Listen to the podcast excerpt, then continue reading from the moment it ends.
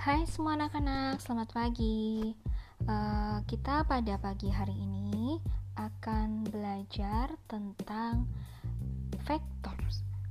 Kalian tahu besaran dibagi jadi dua, yaitu besaran vektor dan skalar.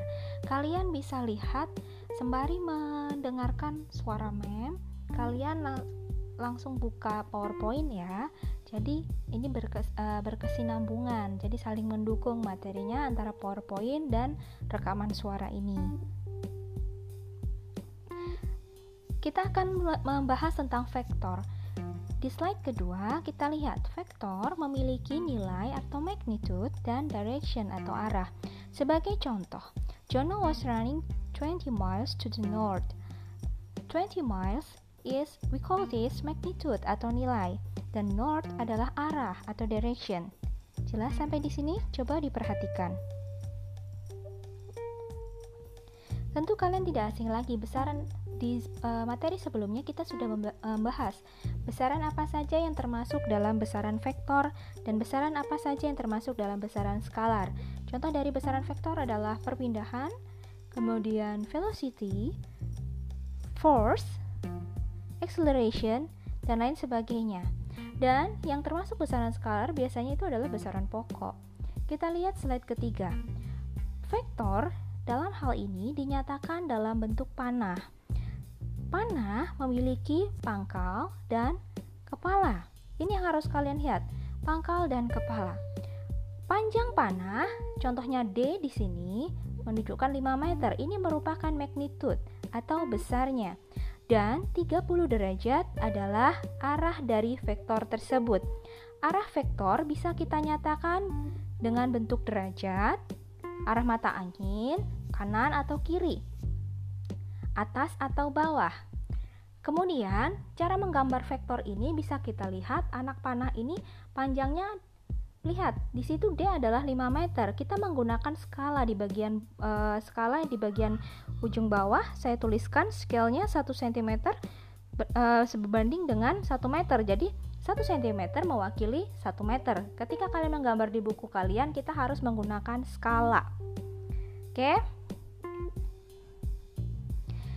Jadi, selanjutnya slide keempat adalah penjumlahan vektor. Nah, vektor ini bisa kita jumlahkan dengan beberapa metode. Yang yang paling awal dulu kita akan belajar tentang metode poligon atau metode metode segitiga. Kalian lihat di sini. Dia punya uh, contohnya adalah U dijumlahkan dengan V. Dalam metode poligon ini, perhatikan pangkal dan kepala. Pangkalnya ada di ujung bawah, U. Kepala U lihat di situ. Kemudian Cara menjumlahkannya, V letakkan pangkal V pada kepala U dan seterusnya. Jika ada beberapa vektor, kalian harus sambung terus itu, Nak. Jadi tinggal uh, kepala ketemu dengan ujung, kepala dengan ketemu dengan pangkal, kepala dengan pangkal. Nah, uh, untuk resultan atau hasil penjumlahannya, kamu tarik garis dari awal sekali pangkalnya sampai ke ujung sampai ke bagian vektor paling terakhir dan bagian kepala yang kalian tarik. Di situ sep, uh, seperti kalian lihat di garis warna hijau. Oke, saya akan kalian akan belajar lebih jelas lagi seperti contoh.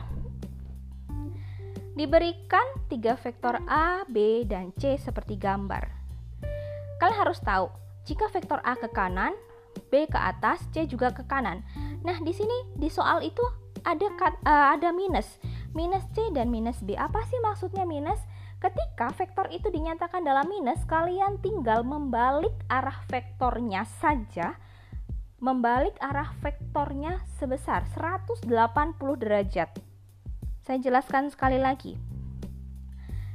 Kalau vektornya minus, kalian tinggal baliklah vektor tersebut dari arah semulanya sebesar 180 derajat itu jadi minus.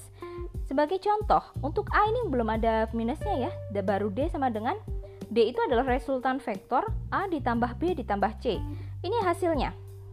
A ditambah B ditambah C. Pangkal A bertemu pangkal B bertemu dengan kepala A dan pangkal C bertemu dengan kepala B, seterusnya.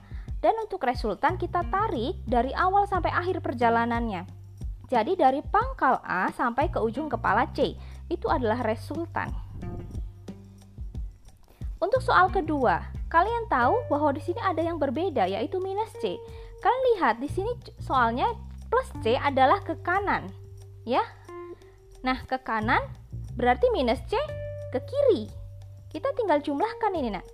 A tetap plus ke kanan, B tetap ke atas dan C tadinya ke kanan karena minus C jadinya ke kiri. Sekarang kita tinggal tarik dari pangkal A sampai ke ujungnya.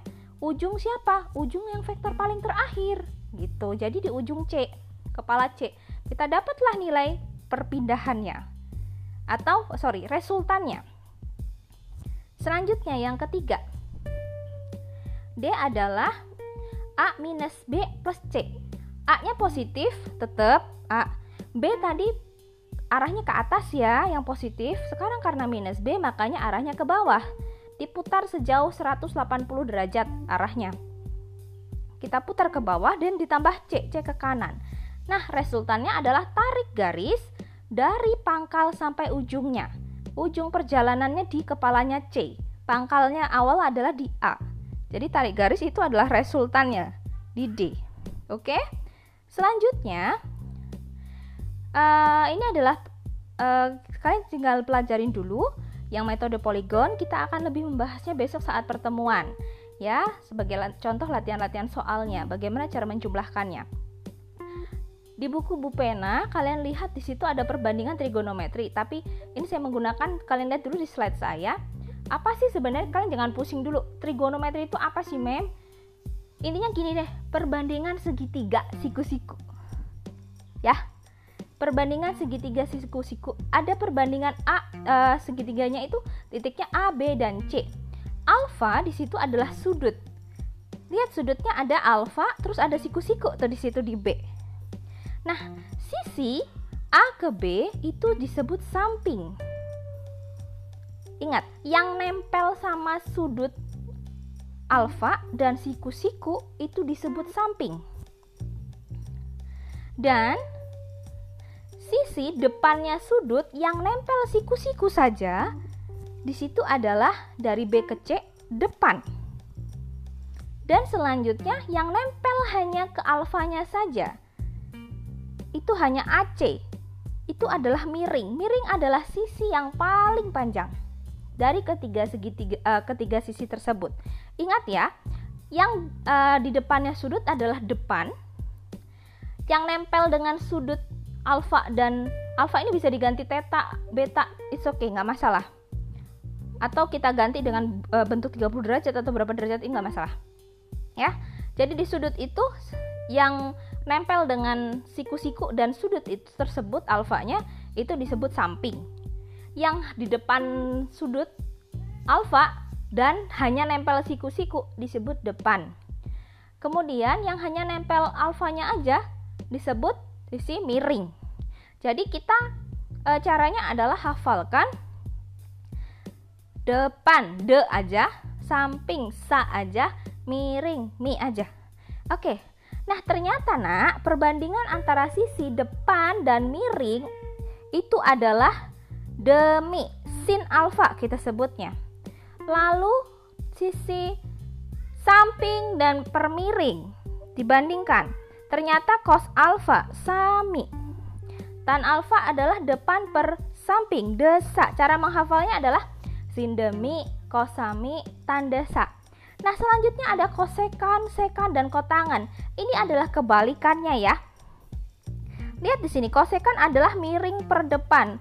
Berarti kosekan adalah satu per sin. Karena sin adalah depan per miring. Kebalikannya. Sekan adalah miring per samping. Ini berarti satu per kos. Kenapa? Karena kos itu samping per miring. Kotangan adalah samping per depan. Oh, itu berarti sepertan. Kenapa? Karena dibalik aja tinggalan. Ini adalah prasyarat untuk pertemuan selanjutnya. Jika waktunya memungkinkan, besok akan langsung saya bahas. Oke? ini kalian perhatikan dulu pokoknya kalian harus ingat-ingat mana itu samping depan dan miring itu prasyaratnya kalau udah kalian ingat nah maka akan lebih mudah lagi nih nak untuk ngerjain selanjutnya. Oke sekian. Terima kasih. Coba dipelajarin ya semuanya. Semangat. Tuhan Yesus memberkati